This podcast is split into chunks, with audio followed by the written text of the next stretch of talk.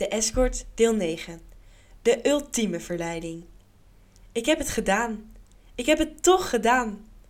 Hoe ik me ook voorgenomen had het niet te doen. Ik heb het toch gedaan. Dinsdagmorgen was het. Strak blauwe lucht en een temperatuur waarbij je naakt over straat wil lopen. Ik weet niet wat me bezielde.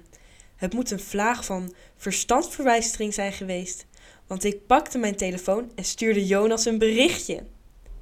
Bedankt voor je nummer. Hoe gaat het met je? Ik drukte op verzenden voor ik er erg in had. En nu loop ik me al de hele dag op te vreten door twijfel en onzekerheid. Zelfs mijn vaste cliënt van drie uur viel het op. Je bent wel heel gespannen. Je werkte hard, zei hij terwijl hij mijn schouders masseerde. Ik boog mijn hoofd achterover voor een lange zoen. Ik hou van mijn werk, fluisterde ik hem toe, terwijl ik me omdraaide en hem met mijn mond bevredigde. Een tevreden cliënt ging zo'n anderhalf uur later de deur uit en mijn hoofd was nog altijd maar bij één ding. Zo snel mogelijk mijn telefoon checken. Eén nieuw bericht. Met trillende vingers opende ik het en ik zie, ik had geen berichtje meer verwacht. Zenuwen? Mijn hart maakte een driedubbele salto en landt ergens onder in mijn maag. Misschien, typ ik met trillende vingers terug. Wat moeten we daaraan doen? Wijn helpt altijd. Vanavond, 7 uur bar van Hotel Terwal? Zie ik je dan. Terwijl ik onder de douche sta, probeer ik me te bedenken wat ik aan moet. Ik lijk wel 15, lach ik in mezelf, zo nerveus als ik ben. Om klokslag 7 uur loop ik op hoge hakken de bar binnen. Hij zit in een hoekje en draait zich om als het getik van mijn schoenen op de marmeren vloer hoort. Isabella, wat leuk je te zien!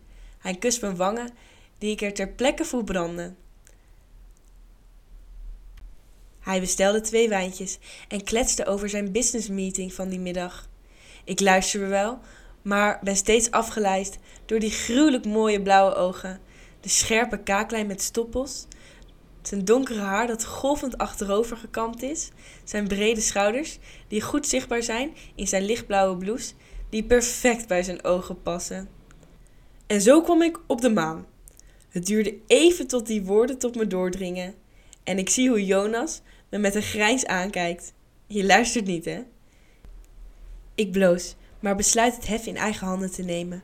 Voor hij me vraagt wat ik vanmiddag gedaan heb. En ik een uitweg moet verzinnen om de waarheid te verzwijgen.